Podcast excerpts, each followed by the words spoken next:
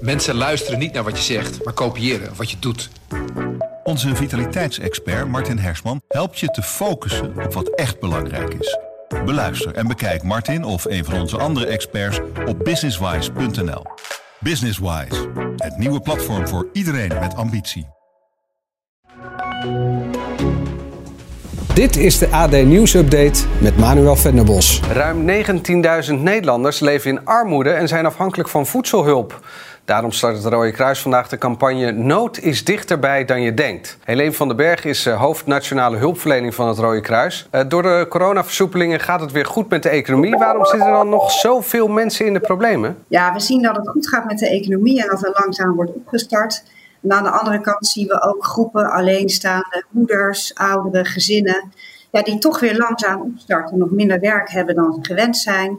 En die blijven afhankelijk van voedselhulp. En als Rode Kruis zeggen we, laten we die mensen ondersteunen en ook gezamenlijk ervoor zorgen dat iedereen weer op kan starten. En wie worden er nu het hardst getroffen? Ja, wij zien met, na met name dat dat zijn zelfstandigen, dat zijn gezinnen, waar we zien die echt keuzes moeten maken. Ga ik vandaag mijn huur betalen of voedsel of luiers? Dat zijn echte keuzes die gemaakt worden. Daarnaast is er een grote groep ongedocumenteerden die geen vangnet hebben. Maar dat zijn wel de mensen die voor ons in de horeca en in de hotels vaak aan het werk zijn. Dus dat is ook een groep die wij echt willen ondersteunen, zodat we ook met elkaar ervoor zorgen dat iedereen het goed heeft. En wat doet het Rode Kruis dan om deze mensen te helpen? Nou, wij delen boodschappenkaarten uit. Dat doen wij met andere organisaties. Dat zijn boodschappenkaarten voor voedsel, maar ook dus verzorgingsproducten. Want je ziet dat mensen heel vaak kiezen om te eten, terwijl tegelijkertijd shampoo, deodorant, tandpasta net zo belangrijk is.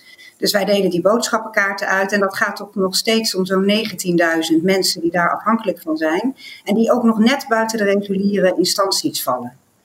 Helene van den Berg, dankjewel voor je toelichting. Laten we even kijken naar de campagne van het Rode Kruis. Ik ben eh, Marco van Kesteren, taxichauffeur, zelfstandig ondernemer in Amstelveen. In maart vorig jaar getroffen door de coronacrisis. Vanaf de ene dag op de andere dag hadden we geen werk meer. De Schiphol ging dicht, uitgaansleven ging dicht. Dus ja, je staat stil. Goed ben jij? Ja, rustig hè? Er valt niet veel te doen. Er valt niet veel te doen. Dat is taxichauffeur Marco van Kesteren. Ja, hoeveel werk heb jij nu op dit moment? Nou, op dit moment nog, uh, ondanks de versoepelingen, nog steeds heel weinig mensen. Waar moet ik dan aan denken als je zeg maar normaal 100% werkt? Hoeveel is dat nu dan? Ja, op dit moment is het uh, qua werk 10, 15% wat er overgebleven is.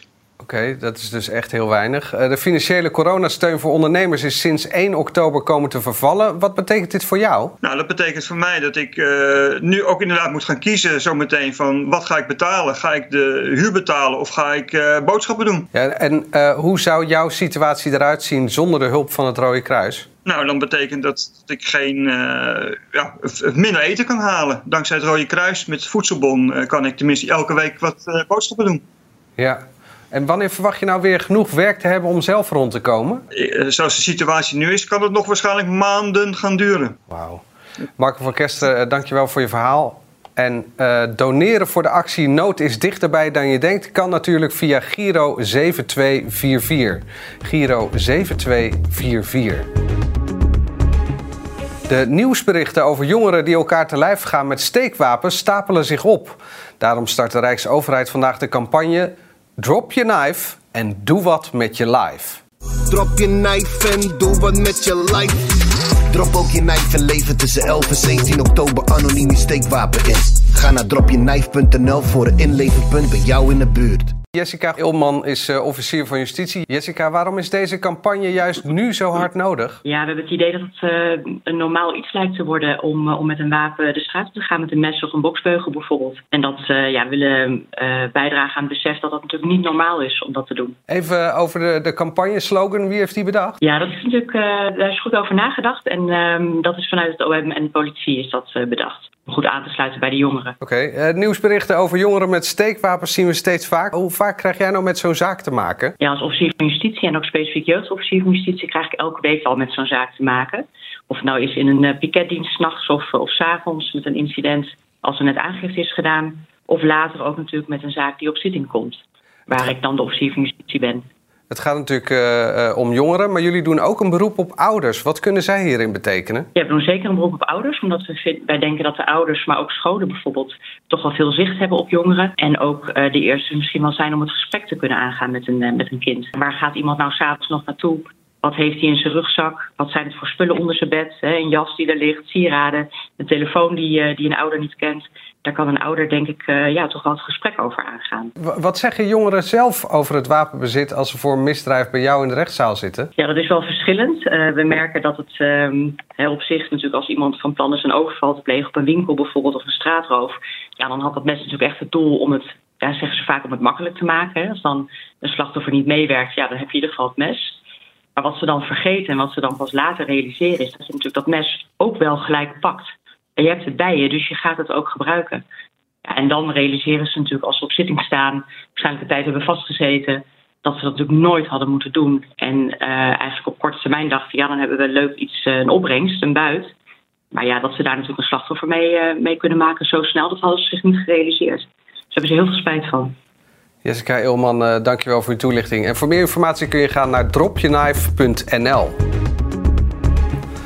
Nederland gaat hoogstwaarschijnlijk toch IS-vrouwen en hun kinderen terughalen uit Syrië. Achter gesloten deuren wordt hier vandaag over gesproken in een nieuwe rechtszitting. Ad Korten is van het platform Kinderen Terug uit het Kalifaat. Waarom vinden jullie het belangrijk dat deze vrouwen naar Nederland worden gehaald? Het gaat natuurlijk in de eerste plaats uh, niet om de vrouwen, maar om de kinderen. Het is absurd dat die kinderen daar al zo lang vastzitten, terwijl ze onschuldig zijn. Als wij in Nederland een, uh, een kind in het water zien vallen, dan, dan springen we het gelijk achterna om het te redden. En dat doet niet een normaal mens. Zelfs als we denken dat er een kind, een baby in een vuilcontainer zit, dan uh, brengen we land, uh, het hele land in rep roer om ze eruit te halen. In Syrië, daar zitten 30 Nederlandse kinderen, die zitten al drie jaar in een vuilcontainer. Maar die laten we rustig zitten, omdat we denken van ja, ja, die moeders, daar was iets mee aan de hand. Dus uh, het is zielig voor die kinderen, maar laat ze daar zitten. Dat is niet normaal. Andere landen om ons heen die zijn al begonnen met het terughalen van kinderen uit humanitaire overwegingen. En alleen Nederland zegt van nee, laat ze maar zitten. En alleen als ze dreigen hun straf te ontlopen, dan gaan we die moeders terughalen. dus bij ons is het straffen van de vrouwen veel belangrijker dan het helpen van de kinderen, het redden van de kinderen. En dat vinden wij niet normaal. Toch even eh, naar die vrouwen. Is er wel voldoende bewijs dat deze vrouwen het gedachtegoed van de terreurorganisatie IS achter zich hebben gelaten? Ja, volgens het Openbaar Ministerie wel. Die, hebben, eh, die zijn de afgelopen jaren regelmatig in die kampen geweest. De IVD, eh, die waren daar kind aan huis. Die brachten zelfs pindakaas en hagelslag mee voor die vrouwen.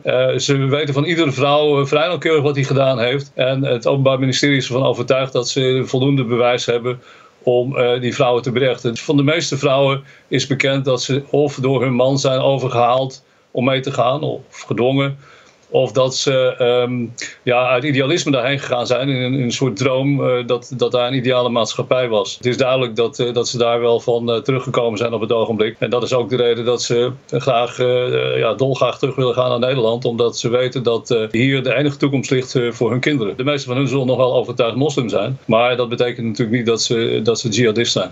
even over die toekomst. je zet je in voor de kinderen van IS-vrouwen. Maar welk perspectief hebben zij als hun moeder een gevangenisstraf moet uitzitten in Nederland?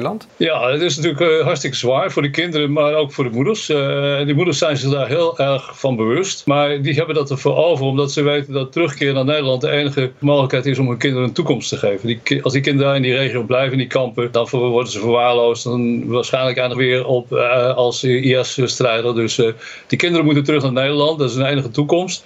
En um, ja, als die vrouwen moeten in Nederland natuurlijk uh, voor, de, voor het gerecht komen. Die zullen een paar jaar de gevangenis ingaan. Maar er zijn allerlei voorzieningen getroffen dat die kinderen eens in de week bij hun moeder op bezoek komen. Uh, bovendien, de kinderen die worden opgevangen in het grootste deel van de geval door de grootouders. Die hebben al jarenlang uh, een kamertje voor ze klaarstaan. En wanneer de kinderen geen grootouders hebben of de grootouders die worden niet geacht in staat te zijn om die kinderen goed op te voeden. Dan worden ze ondergebouwd bij pleeggezinnen. Dat is al jaren geleden geregeld. twee jaar geleden dacht iedereen al dat uh, de Nederlandse regering op punt stond om de kinderen terug te halen. Dus het staat allemaal al lang klaar. Vandaag wordt hier dus over gesproken. Dankjewel voor je toelichting.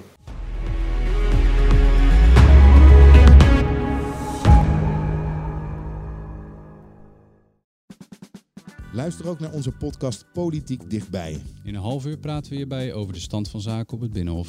En niet alleen vanuit de wandelgangen in Den Haag, maar ook vanuit een regionaal perspectief.